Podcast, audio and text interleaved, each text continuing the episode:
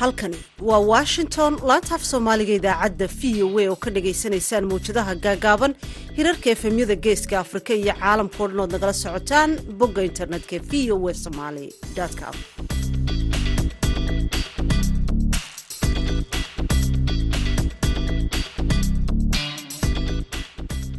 Duhur wanaagsan akhyaartana dhegaysanaysaay waa sabti sideed iyo tobanka bisha februari sanadka labada kun iyo saddex iyo labaatanka afrikada bari saacaddu waa kowdii iyo barhkii duhurnimo.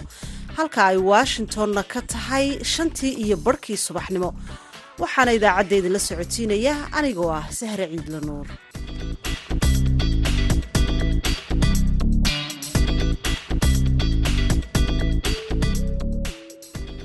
qodobada aad ku maqli doontaan barnaamijkeenna dhallinyarada maanta. Waxaa ka mid a barnaamijkii madasha dhallinyarada oo toddobaadkiiba mar aad halkan ka maqashaan. Dabcan kaalinta ugu muhiimsan ee dowladnimada waa peace building nabadda oo la dhiso. Dabcan dhalinyarada ayaa doorkaasi ugu muhiimsan qaadanayso. Dhanka kale state buildingka markaan u soo noqono dabcan dhalinyarada soomaaliyeed hadda xafiisyada iyo institutionada dowladnimada marka aad fiirisid golaha sharci dejinta golaha fulinta golaha garsoorka dhalinyaro fiican oo de dalkan inay iyagan state buildingka ka qayb qaataan ayaa ayagana maxaa la yidhaahdaa sacrifice badan muujiyey oo ayagana dhinaca ku jira ciyaarihii iyo qodobo kale ayaad dhegaysan doontaan marka horese warkii dunida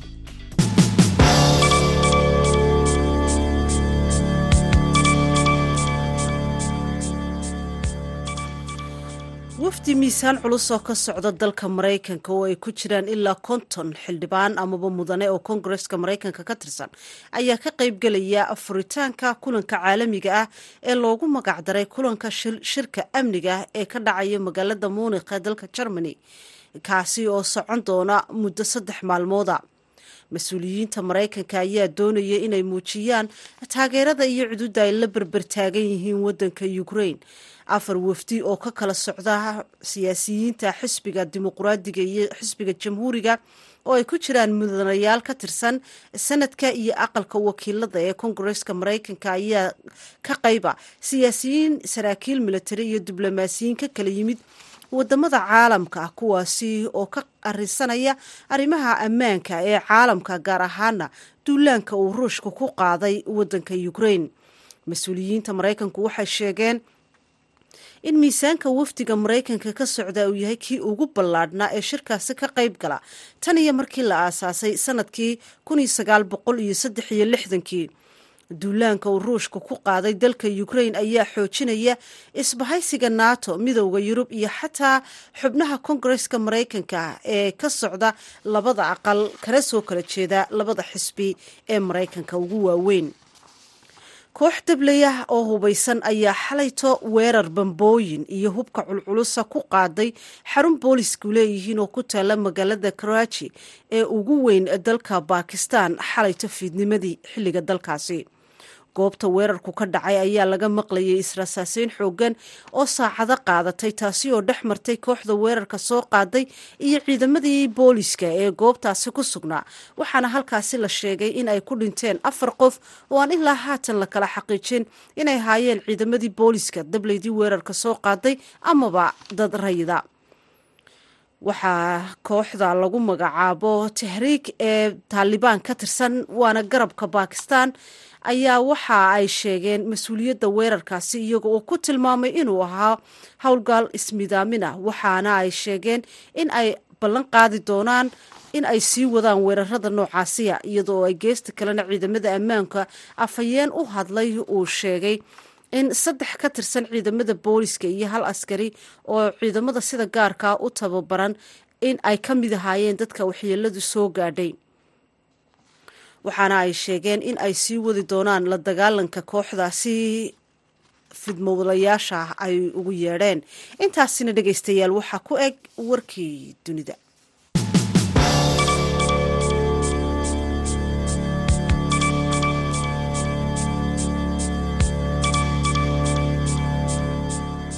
haatana barnaamijkii dhallinyarada ayaynu gudagelaynaaye ku soo dhowaada.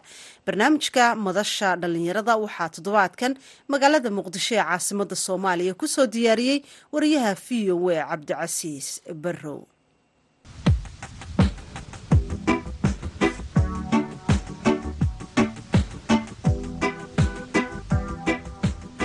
nabad dhegaystayaal ku soo dhowaada barnaamijkii madasha dhallinyarada ee laanta afka soomaaliga ee v o e da waxaa idila socodsiinaya. Anigoo cabdilcasiis barrowa oo jooga magaalada muqdisho. Guud ahaan toddobaadkan barnaamijka madasha dhallinyarada waxaynu ku eegi doonaa kaalinta da-yarta soomaaliyeed ee waxbaratay ay ku leeyihiin dib u dhiska dalka iyo ka qayb qaadashada dowlad wanaagsan oo soomaaliya si weyn uga hana qaada. Barnaamijka waxaa igala qeybgalaya maxamed cali barre oo ah nin dhallinyaro ah oo ka shaqeynaya siyaasadda islamarkaana hore uga soo howlgalay madaxtooyada koonfur galbeed soona noqday agaasimaha habmaamuuska madaxtooyada maamul goboleedka koonfur galbeed.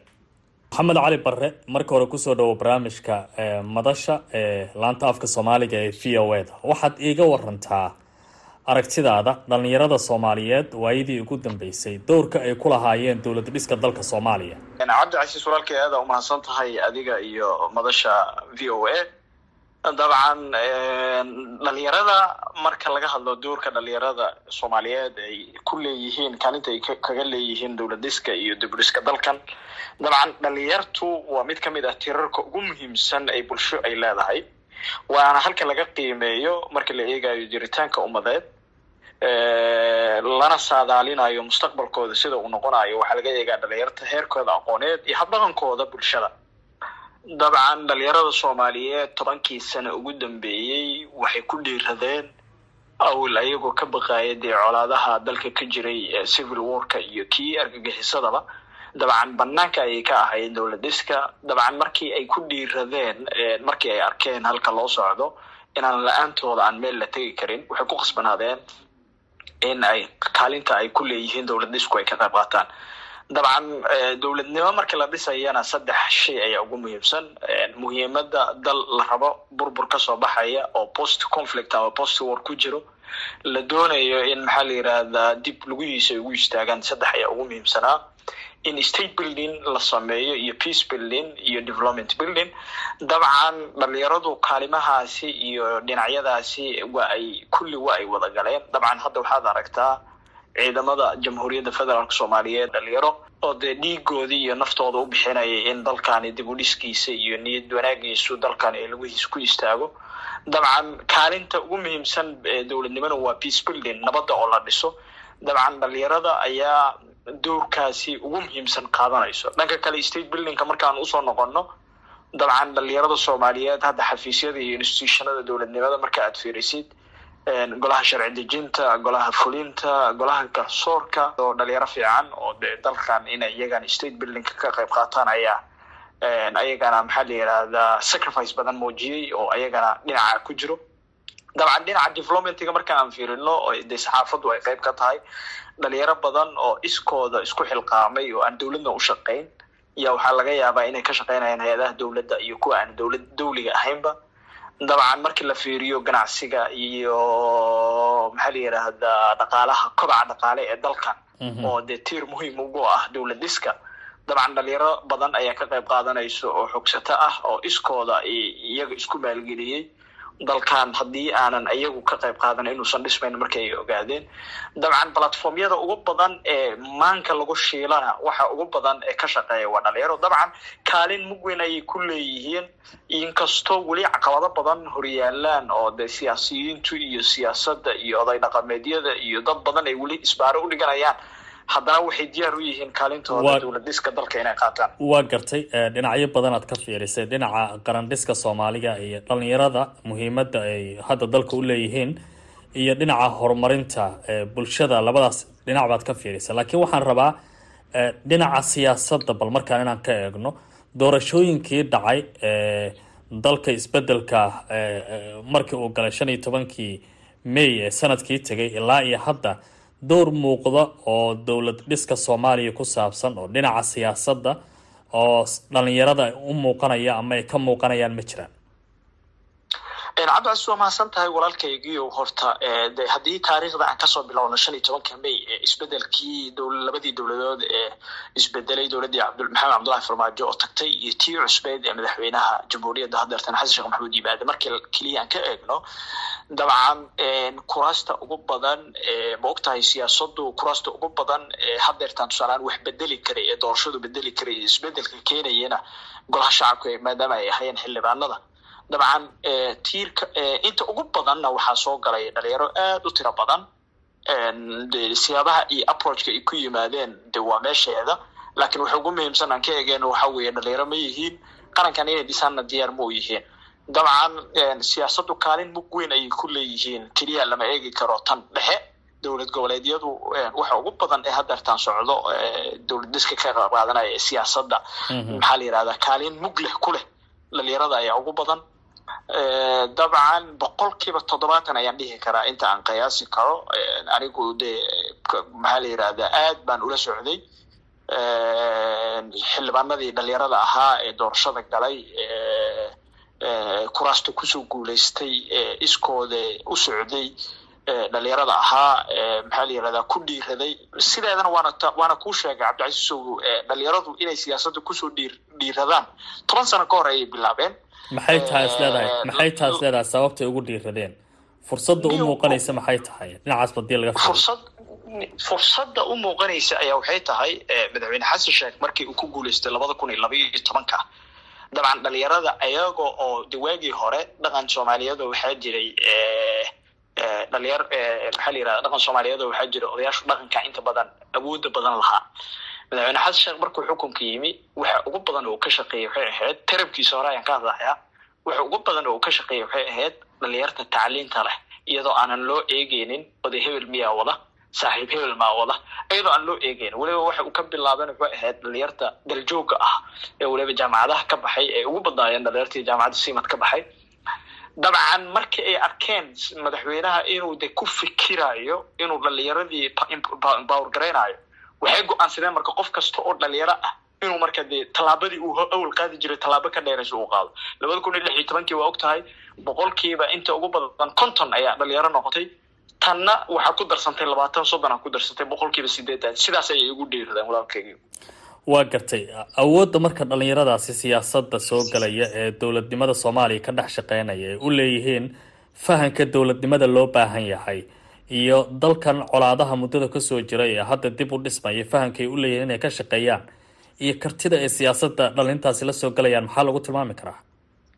Wallahi cabdicasiisow haddaad dib u fiirisid taariikhdii hore ee dhalinyarada soomaaliyeed dalkan xurnimadiisa waxaa ka shaqeeyay saddex iyo toban nin oo dhalinyaro ah. Saddex iyo tobankaasi dhalinyarada ah maanta fursadda iyo imkaaniyaadka aan haysano ma aysan haysan dabcan technolojiyadu iyo isbeddelka dunidana maanta sida ay ahayd maalintaas iyo maantana isku mid ma ahan dabcan waxaa laga yaabaa ninka ugu darajo sarreeyey waxaan u malaynayaa saddex iyo tobankaasi inuusan ahayn xataa jaamici oo digriga koowaad ee patrolka aanan qaadan. Dhalinyaro dugsi sare ka baxday oo laakiin u dhiiraday inay dalkooda xoreeyaan ayay ahaayeen dabcan maanta oo fursadu ka badan tahay waxaa helaysaa dhalinyaro aanan de da-dooda xataa soddon aanan gaarin oo darajada heerka labaad ee jaamacadaha wata. Waxaa arkaysaa dhalinyaro soddon jira ah oo jaamacadda heerka jaamacadda saddexaad ee p h d da wata. Dabcan waxay u leeyihiin xirfad dhalinyaro xirfadlayaal ah skillers ah oo aad xirfadahooda u kobciyey markii laga tago midda jaamacadda iyo academiga laga tago dabcan xirfadooyinka dhinaca dhinaca technicalka aan ka hadlayo dabcan iyagoo marka waxaaso oo fursado ah ay jiraan iyo dowlad dhiskii iyo dalka iyo de nabadgelyadiisiina ay qeyb ka yihiin. Dabcan hadda kaalimaha ugu muuqda xukuumadda wasaaradaha oo kale hadda markaa fiirisid ninka dhalinyarada ah wasiir jaamaca ama wasiir cabdiqaadir maxamed nuur ee wasiirka difaaca ah nin dhalinyaro ah waay. Kaalin muuqato ayuu ka qaatay dib u xoreynta dalkan. Waa aragtaa dabcan ninkan odayga ah ee dhalinyarada ah ee hadeertaan hay'adda sirdoonka qaranka jooga ee mahadsalaad dabcan waa aragtaa ninka ugu horreeyey ee soomaaliyeed ee hay'adda madax ka ah in uu sharci u yeelo. Dabcan waxaasoo dhan waxay kutusaysaa dhalinyaradu inay yihiin kuwa u jihaysanayo dowlad dhiska iyo shuruucda waa gartay. Laakiin waxaa la isweydiin karaa. Waxaa tiri dowlad goboleedyadana kaalin muuqda ayay ku leeyihiin. Qudhaada waxaad ka mid tahay dhalinta siyaasadda gashay ee dowlad goboleedyada ka soo shaqaysay. Waxaa iiga warantaa dowlad goboleedyada fursadaha ka banaan iyo dhalinyarada sida loogu soo dhaweeyo oo kale iyo ma jiraan fursado ay halkaasi ka helaan dhalinyarada si simanse fursadahaasi ma loo helaa? Walaalkeygiiow inta aan ka warqabo dowlad goboleedyada dalka weliba doorashada damba galay. Waliba doorashada dambe waxaan ka wadaa afartan sano hadda jooga. Labada kun iyo sideed iyo tobankii sagaal iyo tobanka wixii ka dambeeya doorashooyinka gala boqolkiiba sagaashan waxay ka shaqeeyeen inay dhalinyaradu empower gareeyaan. Xildhibaanada maamul goboleedyada markaa fiirisid hadda xildhibaanka maamul goboleedka south west oo kale oo aniga aan ka shaqeeyey madaxtooyadiisa aan agaasimaha hadmaamuska ka soo noqday dabcan dhalinyarada sagaashan iyo shan xubnood oo xildhibaano ah iyo konton iyo saddex oo ka kooban golaha xukuumadda ah waay. Inta aan kuu sheegi karo hal iyo laba waay. Inta oday ah micnihi oday la dhihi karo adulthood micnihi fifty plus wax gaaray oo ka shaqeynaya dabcan waxaa la ogaaday fere tamarta dhalinyarta ku jirto dulqaadka iyo halganka ay ku jiraan iyo fursadda ay haystaan. Fere ninka odayga ah maanta loo dhiiba wasaarad ama loo dhiiba hay'ad dowladeed waxa ugu horreeya oo ka fikiraya waxa waaye waxa nooligiisa iyo noloshiisa maalmaha kooban waktiga uu xisaabsanaya aaday u kooban tahay. Laakiin ninka dhalinyarada ah waxa uu ka shaqeynaya waxa waaye kow tobanka sano oo soo socota wuxuu ka shaqeynaya inuu sumcadiisa dhiso. Sumcadiisa dhiso fursadaha tobanka sano dambe ee imaanaya ee mustaqbalka siyaasadda uu ka dhex leeyahay inuu dhiso laakiin inta ugu badan hadda odayaashu maba eedeyn karee laakiin dalka oo dhan baaba dal iska dal musuq maasuq ahaa. Muddooyinkan dambe oo hadda aan ka soo baxayno laakiin laakiin maxamed laakiin maxamed mar haddii aad sidaasi tiri laakiin waxaa la leeyahay soomaha dhalinyarada xagga khibradda iyo fahanka dowladnimada waa loogaga horeeyaa marka wax badan ayay ahayd inay xafiisyo hoose shaqada ka bilaabaan xagga siyaasadda ah kadibna ay yimaadaan meesha dadkan sarsare ee da-da weyn ay ka shaqeynayaan su'aashaasoo doodaasi soo sax ma noqon karto dabcan waa su'aal laisweydiin karo oo meesheeda ku jirto laakiin de su'aal u baahan kelima waa philosophical question waaye si falsafadeedaan rabnaa inaan uga jawaabno dabcan fere khibraddu sideedaba ma aha de shaqada ninkaani maogtahay odayaasha hadda boqol kiiba sagaashan ka shaqeeya dowladnimada waxdhehe maogtahay labaatan soddon sano ka badanna dowlad burbur baan ku jirnay oo dalkan dowladnimadiisi waa ay dhaawacantay waxa ay ka shaqeyn karaan dowladdii militariga aheed ee xoogga dalkan ku haystana waxay ka shaqeyn karaan way iska koobneed laakiin nimanka dhalinyarada ah oo maalintii uu lix sano jiray class schoolka la geeyey soddon sano labaatan sano ka badan wax akrisanayay wax baranayay. Dabcan wuxuu ugu baahan yahay waxa waaye waxa ugu horeyso inuu shaqo qabto.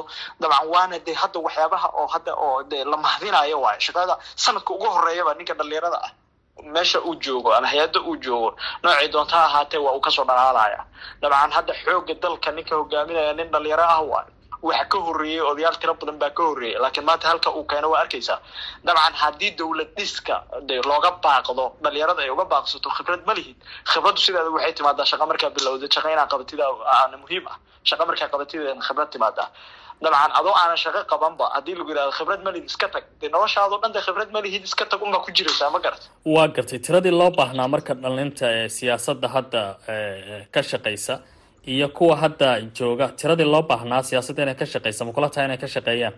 Mase waxaad leedahay weli fursada in la siiya oo ay u baahan maya maya maya waxaan qabaa dabcan sideedaba fursadaha maalinba meel bay ka bilowdaan shalay meesha la joogay maanta lama joogo.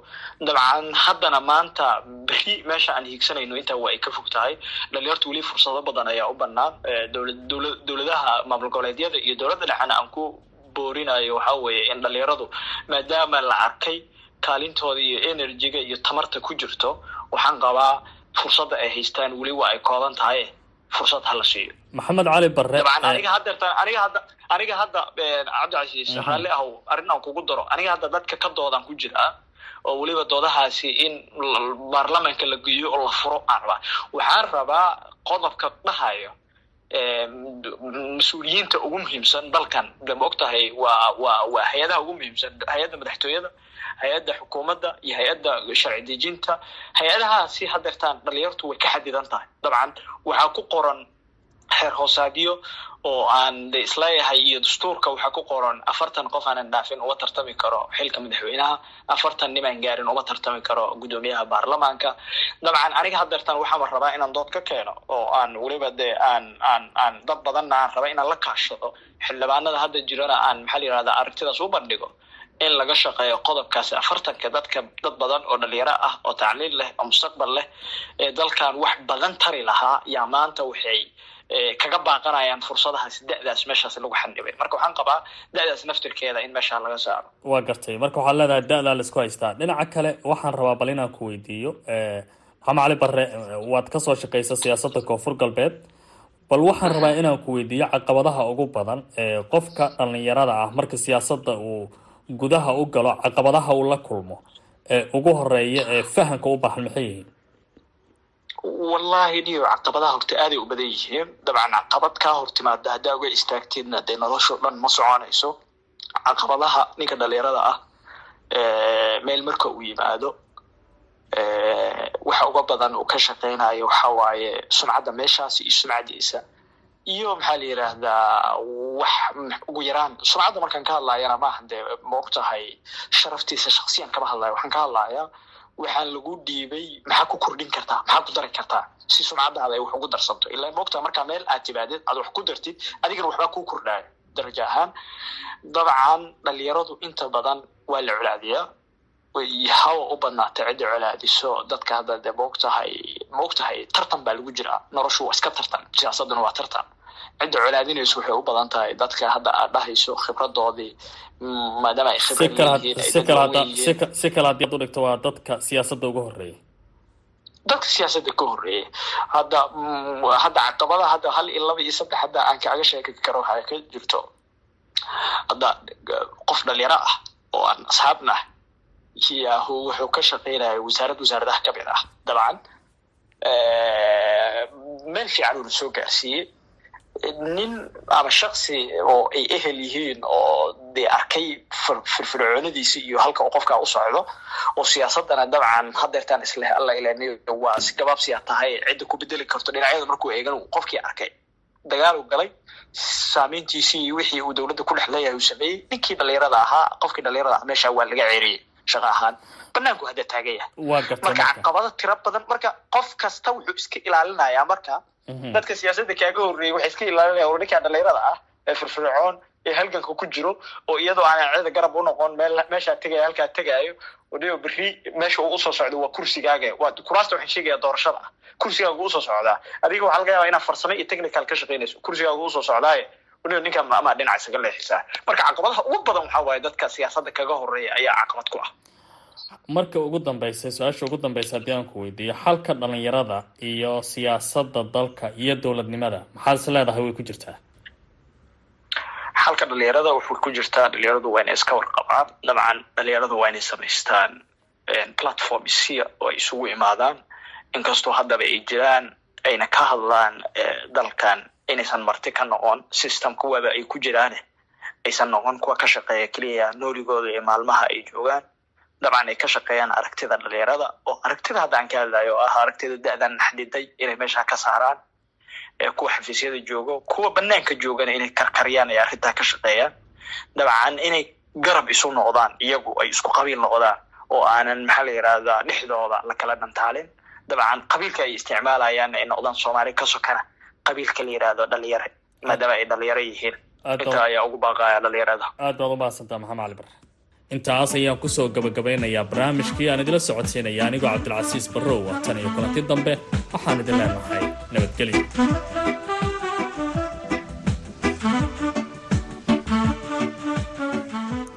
aad buu mahadsan yahay cabdicasiis barrow oo nala socodsiinayey barnaamijkaasi madasha dhallinyarada.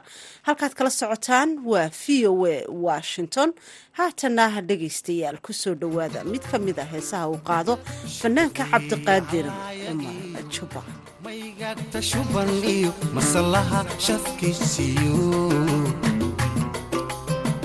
sheeq madar dushiisiyo sheediyo yanacsiyo sheekh nurbaalahisiyo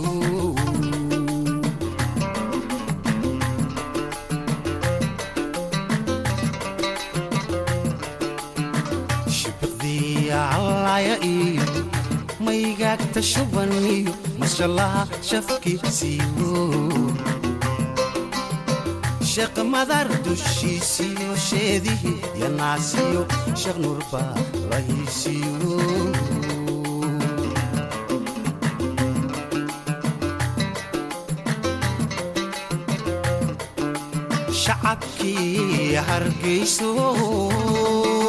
Shan habeen cirkii miray.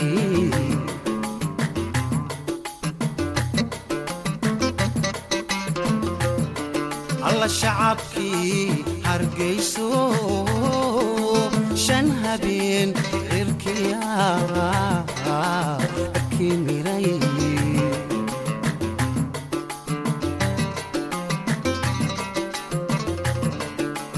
Dhirta shaqal madoowi shaadir lagu hagoogo digrigii shunuxdu dherarkii galo sheeganayso. Shacan i badani u bixii shinkiisii dhammaado.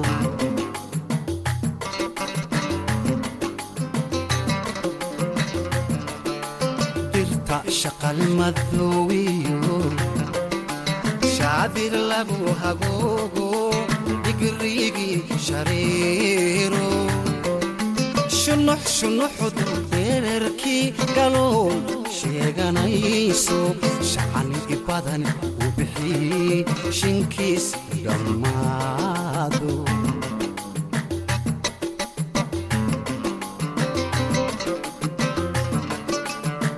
balanbaalis sharaxliyo shinni malab samaysiyo gudihii u shidaya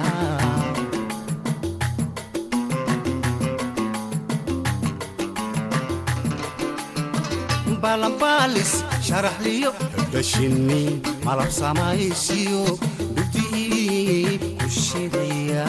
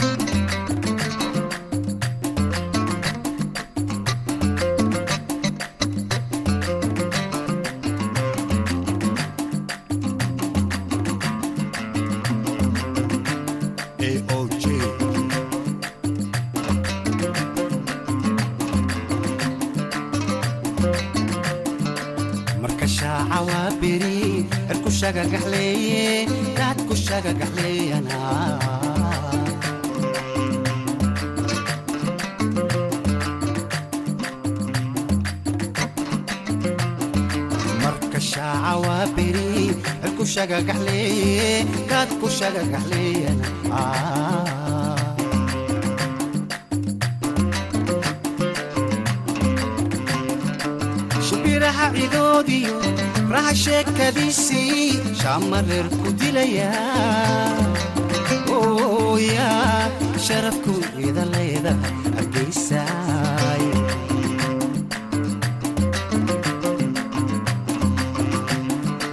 shimbiraha cidoodiyo raha sheekadiisii shaamareer ku dilaya. Ya sharafteeda leedahay hargaysaay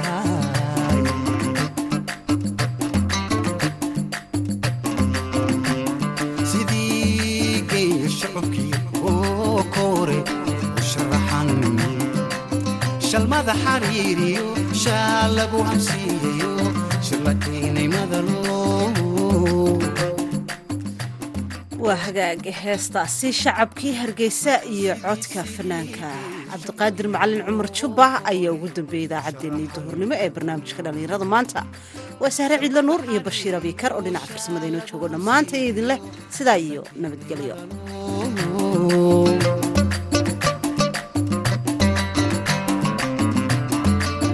shirabaadu joogto shambinaysa soodko shiisdega laleeya shirabaadu joogto shambinaysa soodko shiisdega laleeya jarabkooda leedahay